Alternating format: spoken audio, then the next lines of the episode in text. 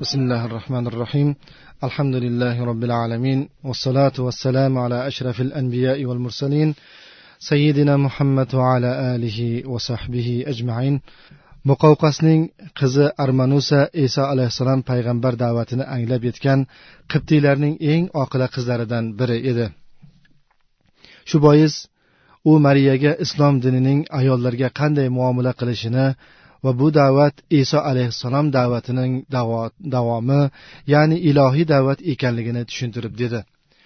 Lekin ajablanarlisi shundaki ey mariya bu payg'ambarni ham o'z qavmi xuddi iso payg'ambarni o'z qavmi yordamsiz tashlaganidek yordamsiz tark etganlar.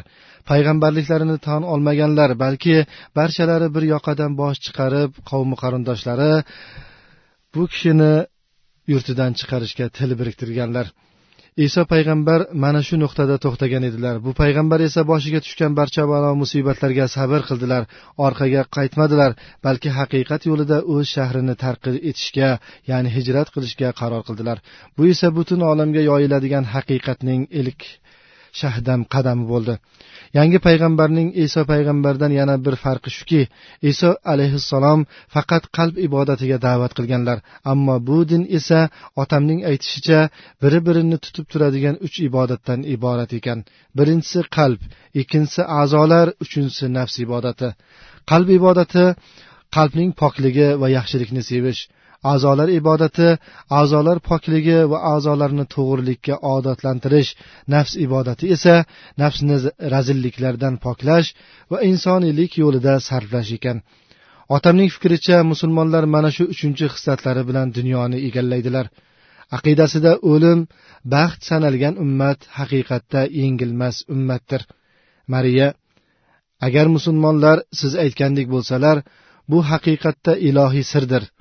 Tabiatan inson juda kam o'rinlardagina hayot va o'limga parvo qilmaydi. Bu o'rinlarda inson tabiati ko'r bo'lib qolgan bo'ladi. Bu qattiq g'azab haddan ortiq sevgi va takabburlik paytlarida o'z ifodasini topadi. Agar musulmonlar siz aytgandek o'zlarining oliyliklarini sezgan holda shiddat bilan harakatga kirishadigan bo'lsalar demak bu din insonga o'zining oliyligini sezishni ko'rsatibdi. Bu esa falsafa va donolikning eng nihoyasidir dedi. Bundan keyingilari esa sening musulmon bo'lishga tayyorgarlik ko'rishingga dalolat qiladimi ey mariya dedi armanusa. Bu gapdan malika ham kanizak qiz mariya ham zavqlanib kulishdi. So'ng mariya armanusaga siz aytgan gaplardan kanizagingizning boshi garang siz ham men ham ikki fikrmiz. Hozircha muslima emasmiz deb javob qaytardi. Rumlar bulbay shahrida mag'lubiyatga uchrab muqovqas tomonga jon hovuchlab qochishdi. Bulbaysning qamali o'ttiz kun davom etdi. Bu kunlar orasida mariya armanusa aytgan gaplar haqida juda ko'p fikr yuritdi. Ayniqsa armanusaning iso alayhissalom bu ishni boshlagan edilar. Boshlangan ish aniq nihoyasiga yetadi. Insoniylikka xizmat qilish faqat oliylik sari intilgan shaxslar orqali ro'yobga oshadi. Bor butini sarflab hayotni qo'rqoqlik va hirs bilan tutib turgan ummat hech narsani ololmaydi. Ruhlarini sarflaydigan ummat esa hamma narsani oladi degan so'zi mariyaga qattiq ta'sir qilgandi. Ana shunga o'xshash islomiy haqiqatlar yunon aqlini ya'ni mariya aqlini arablashtirayotgan edi. Bu kunlarda esa amr ibn os roziyallohu anhu armanusani otasiga jo'natish tadorigini ko'rardilar. Buning xabari mariyaga yetdi. Mariya armanusaning huzuriga borib sizdek olizot va aqlli qizga birovlar burgan tomonga qarab ketaverishingiz yarashmaydi. Men bildiradigan fikr shuki musulmonlar boshlig'i sizni otangiz tomonga jo'nataman deb taklif qilishidan oldin siz unga otangiz tomonga qaytishingizni bildiring. Darvoqe undan o'zingizga otamning huzurigacha kuzatib boruvchi hamroh askarlar bering deb talab qilishni ham unutmang. Shunda asira bo'lsangizda podshoh qizidek buyruq berib ketasiz dedi. Bu ishga sendek shirin zabon aqli ravon tanigan bilganim yo'q. Shuning uchun uning oldiga men tarafdan sen borasan. Senga rohib shato hamroh bo'ladi. O'zing bilan birga eng ko'zga tashlangan chavandozlarimizdan ham olib olgin dedi armanusa. Mariya sayyidasi armanusaning maktubini amr ibn os roziyallohu anhuga yetkazgan qissani shunday hikoya qilib berdi. Amr ibn osga maktubingizni topshirdim. Shunda u kishi mendan malika biz haqimizda qanday o'ydalar? deb so'radi.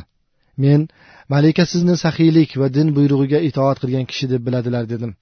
U kishi malikaga yetkazingki payg'ambarimiz muhammad sollallohu alayhi vasallam bizlarga qibtiylarga yaxshilik qilishga buyuringlar. Chunki sizlarning orangizda ular bilan quda andachilik va zimma bordir deganlar. Shuningdek malikaga biz birovlar bilan urushish uchun emas balki nafslarini o'zgartirish uchun bostirib kelganimizni ham bildirib qo'ying dedilar. Shunday qilib muqovqasning qizi amr ibn os roziyallohu anhuning farmoniga binoan qaysning hamrohligida otasi tomonga qarab yo'l oldi. Yo'lda peshin vaqti kirgach qays ulovdan tushib musulmon askarlar bilan birga namoz o'qishga tutindilar. Armanusa bilan mariya esa ular qilayotgan ishdan ensasi qotgancha qarab turardi. Bir vaqt ikki qiz musulmonlarning ollohu akbar deyishib takbir qoqqanlarini eshitishdi. Bu kalimadan mariyaning qalbi titradi va yonidagi rohibdan mana bular nima deyishmoqda? deb so'radi. Rohib musulmonlar mana shu kalimani aytib namozni boshlashadi ular bu bilan o'zlarini bu dunyodan butkul uzishib vujuddagi eng buyuk zotning huzurida ekanliklarini e'lon qilishadi. Musulmonlar bu vaqtda o'z nafslarini ma'lum bir muddat oliy olishib dunyoni xayollaridan o'chirishadi. Bu vaqtda siz ularni o'zlarini bu dunyoda nihoyat ulug' ko'rishlariga diqqat qiling.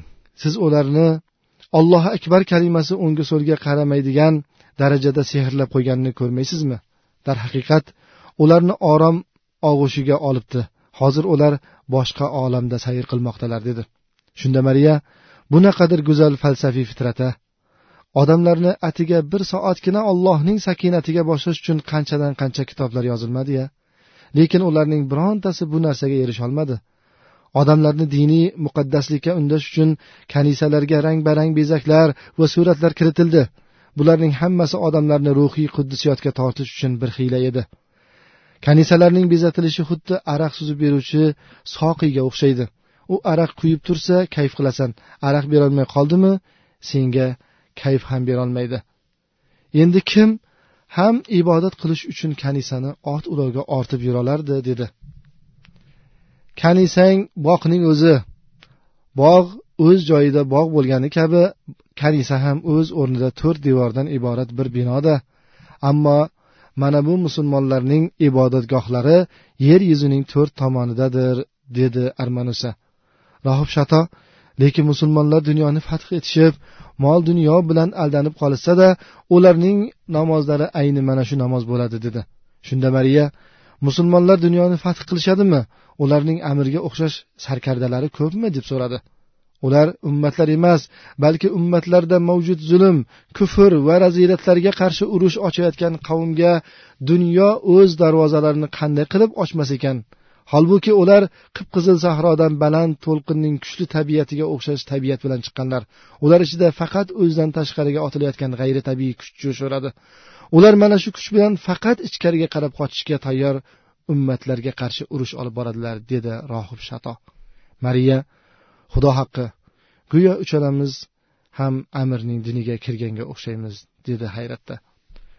Yigirmanchi asrda hijobni olovga uloqtirib hurriyatga erishgan ayollar begona erkaklarning shahvoniy g'arizasini qondiruvchi qo'g'irchoqlar. Erkaklar bilan yonma yon zavod fabrikalarda yeng shimarib ishlovchi xodimalar paxta dalalari va polizlarda ishlayverib qo'llari qayroq bo'lib ketgan har muslima ayol o'z dinini yaxshilab ta'lim olsin.